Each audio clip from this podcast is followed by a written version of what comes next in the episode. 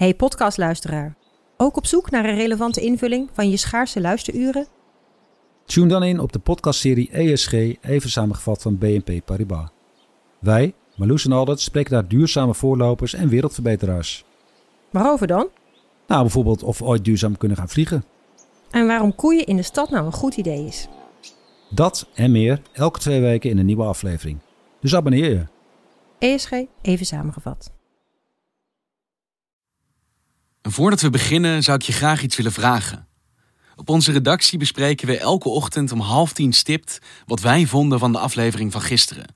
En dat kan er soms best wel hard aan toe gaan. Maar veel liever horen we van jou wat jij vindt van onze podcast. Wat je goed vindt en ja, wat er beter kan.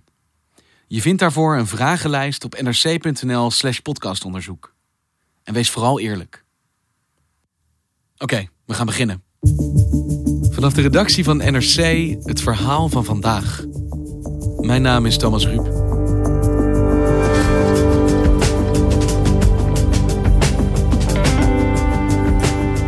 Ze bouwen reusachtige machines, twee verdiepingen hoog, die de kleinste chips ter wereld produceren.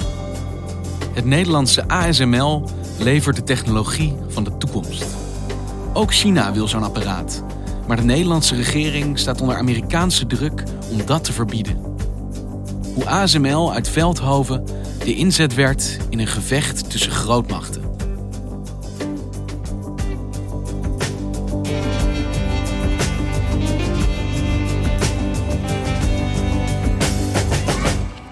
Als je bij ASML in Veldhoven naar binnen loopt, moet je eerst een apart pak aan. Mark Heijink is technologieredacteur op de economieredactie van NRC. Ja, Je moet je speciale overschoenen aantrekken, So we take off our shoes over here. All right. een haarkapje op. Do I put this over my head? Yes. Want alles moet stofvrij zijn. In the clean room, people are the biggest contaminating factor. Uh, our clothes, uh, they shed particles all the time. Yeah. So that's why we have to cover up all the way. En dan eh, lever je je telefoon in. Je mag natuurlijk geen geheime informatie eh, meenemen. En dan eh, betreed je het heilige der heiligen van ASML.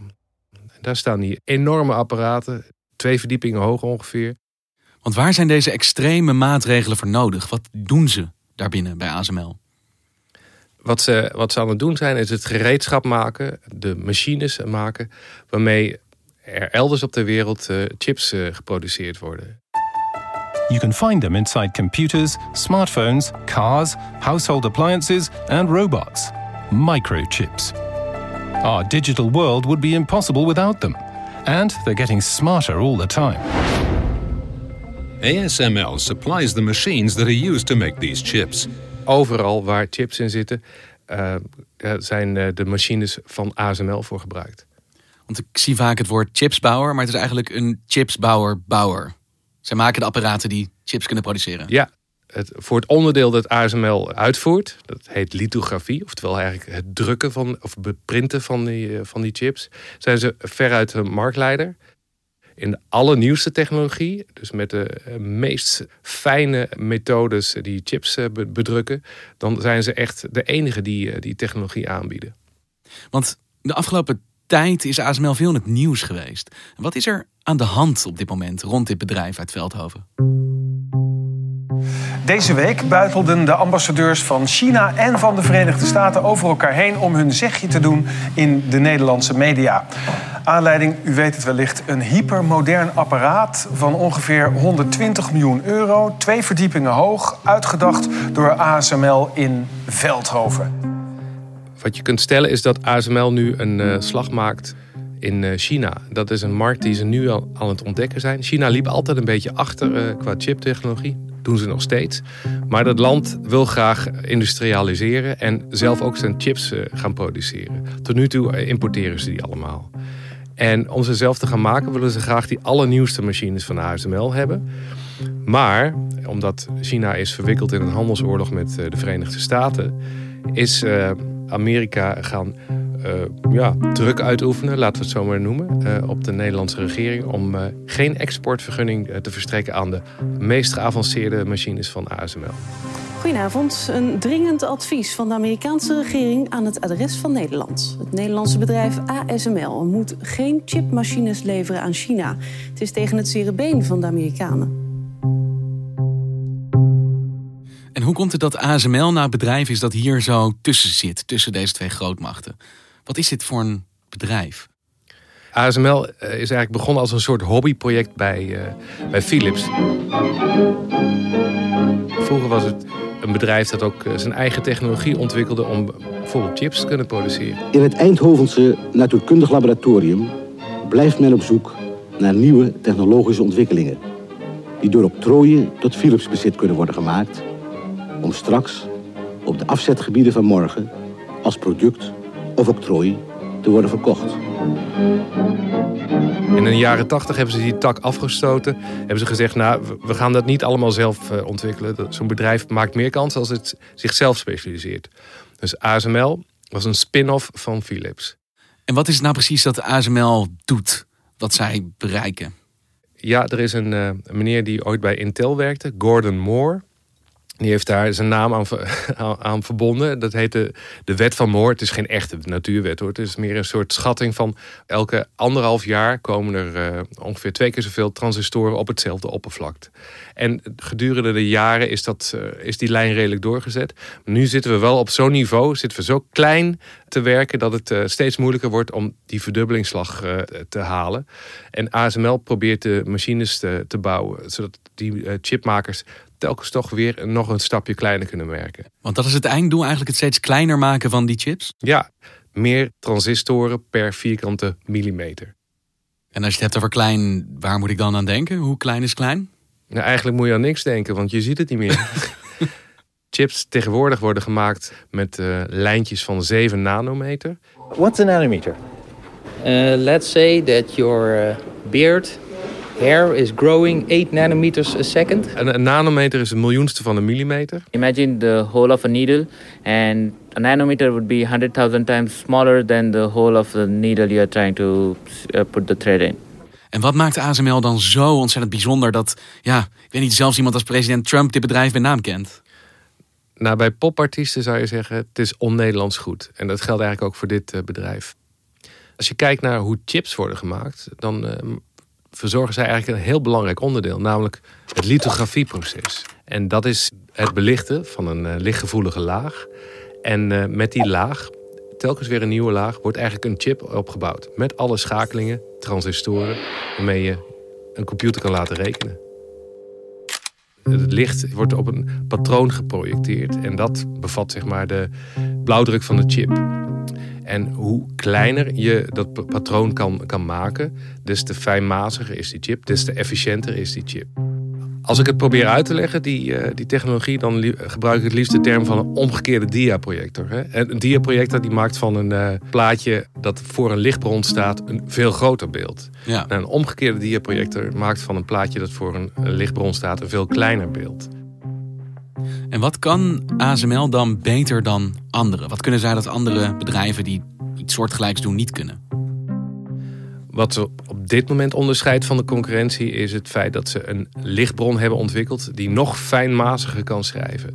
Dus ze noemen dat uh, extreme ultraviolet, oftewel extreem ultraviolet licht. Maar het is een lichtstraal die wordt, ja, je gelooft het niet, uh, dit wordt op een uh, druppeltje tin geprojecteerd, een laserstraal. En elke keer als dat druppeltje tin valt, dan wordt hij daar door geraakt. En dan gaat het laser in een soort buizenstelsel via allerlei lenzen. Komt het op die fotogevoelige plaat en doet het daar zijn werk. Maar het gebeurt allemaal in een vacuüm. Dat stelt ook nog eens een keer een hele hoge eis aan de, aan de omstandigheden waaronder dat geproduceerd wordt. En dat extreme ultraviolet, die techniek is exclusief voorbehouden aan ASML. Zij zijn de enige die dat op deze manier kunnen gebruiken. Ja. Maar als ASML de enige ter wereld is die dit kan maken, dan is iedereen die deze meest geavanceerde chipbeschrijver wil hebben, afhankelijk van ASML. Dan klopt iedereen daar aan in Veldhoven voor zo'n apparaat. Ja, tot nu toe wel. De chipmachines die nou in Taiwan en Korea en wie weet zelfs in China worden gebouwd, die zijn eerst helemaal in elkaar gezet in Veldhoven. En dan worden ze zo goed mogelijk afgesteld. Worden ze weer afgebroken in uh, ja, allerlei eh, kisten verpakt, gevlogen naar, eh, naar Azië en uh, daar weer opgebouwd. En daar worden ze weer helemaal in elkaar gezet en ja, ingesteld, zodat die onder alle omstandigheden ongeveer goed werkt. Dus iedereen die zo'n apparaat wil hebben is van ASML afhankelijk. Dus ze exporteren over de hele wereld. Dat klinkt als een ongelooflijk succes. Maar wanneer zijn dan de problemen begonnen voor ASML? In 2018 kwam de eerste orde voor zo'n geavanceerde EUV-machine van een Chinese klant. En dat was SMIC, een, eh, eh, grote producent eh, van, van chips uit China. En die wilde graag ook die stap maken naar die hyper geavanceerde technologie. Want ASML krijgt een order uit China. En nou ja, interessante markt voor ze. Maar ze kunnen dat niet gewoon leveren. Ze kunnen niet gewoon zeggen: oké, gaan we doen, daar komt hij.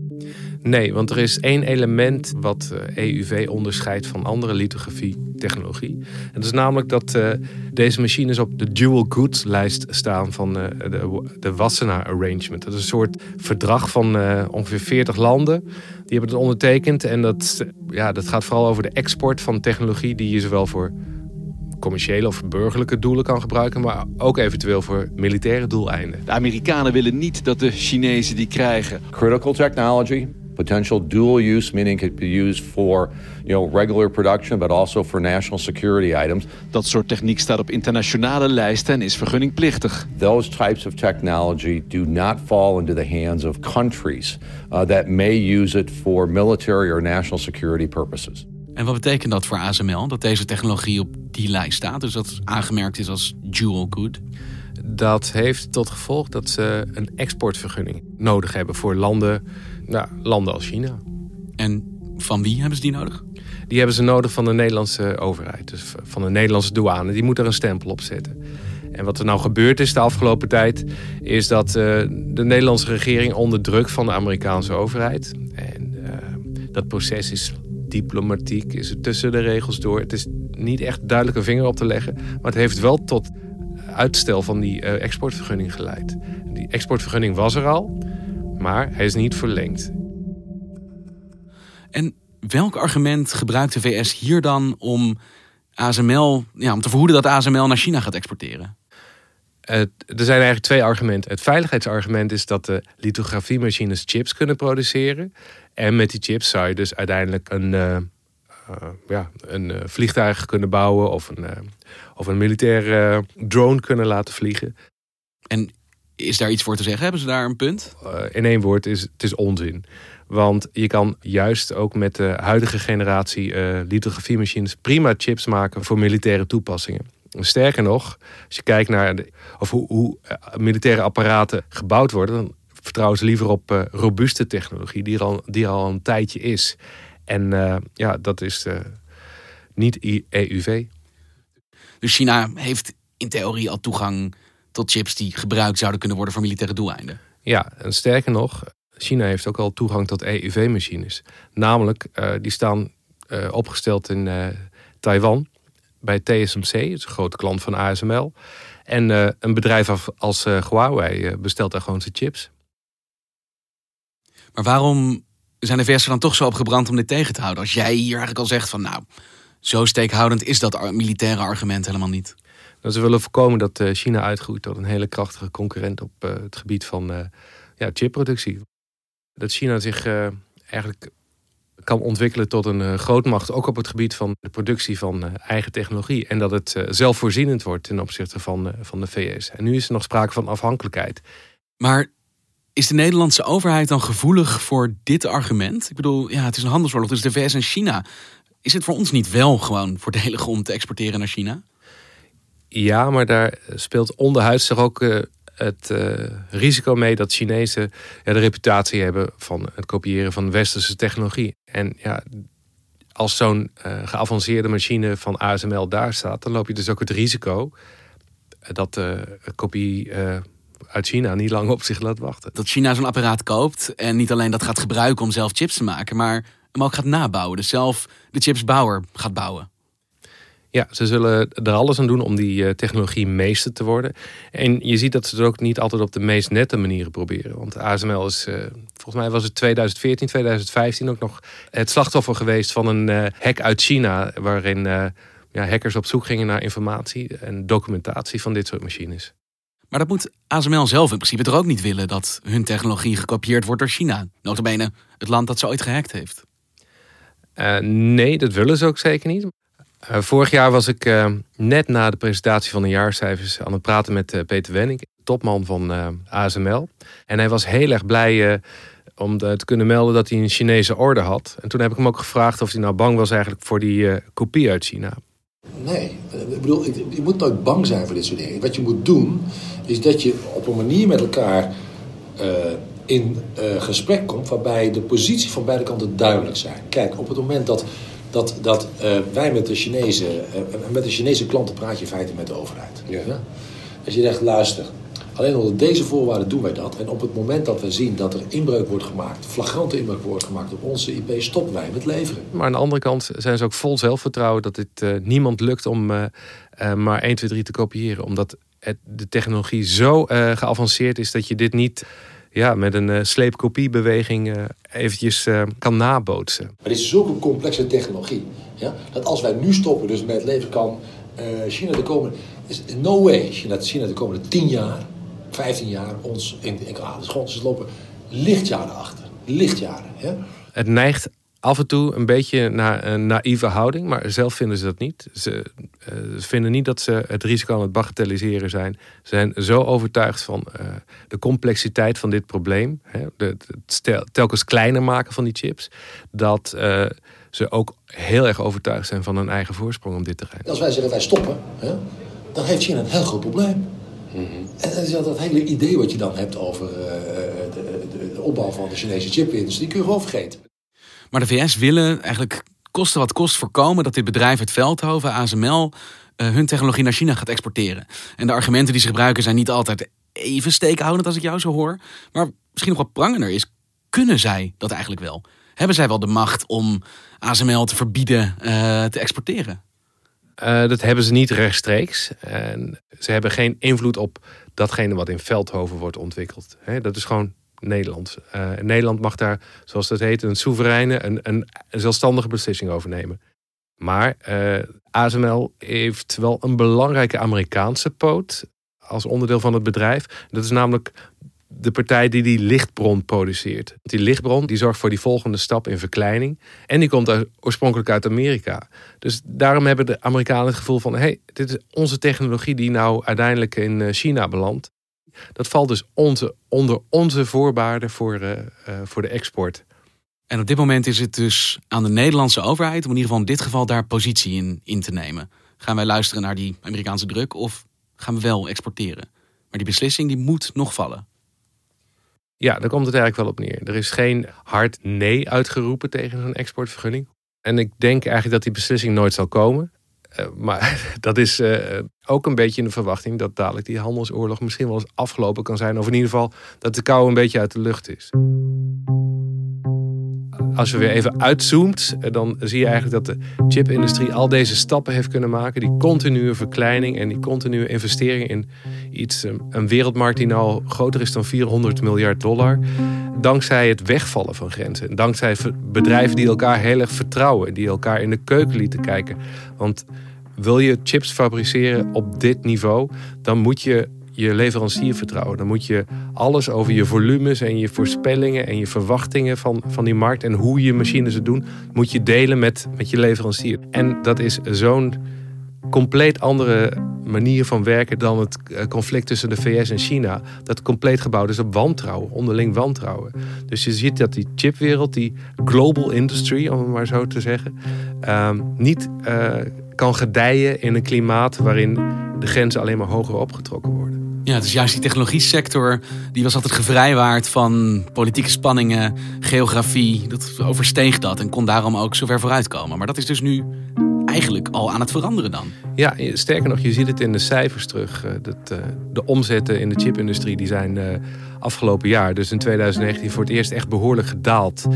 Maar het, heeft dus ook consequenties, deze handels, handelsoorlog. In de technologie sector voel je dat als eerst. daar, daar komen de conflicten aan. Maar in Veldhoven balen ze intussen als een stekker, denk ik. Uh, ja, het is niet zo dat die machine staat te verstoffen of zo. Daar heb ik wel even naar ja, dat kan niet. Dat heb je net beschreven. nee, het kan inderdaad niet uh, verstoffen. Maar hij gaat gewoon naar de volgende. Er zijn er genoeg die uh, zo'n EUV-machine willen hebben. Alleen China moet nog even wachten. Nog even wachten, inderdaad. Dankjewel, Mark. Graag gedaan. Je luisterde naar vandaag, een podcast van NRC. Eén verhaal, elke dag. Dit was vandaag, morgen weer.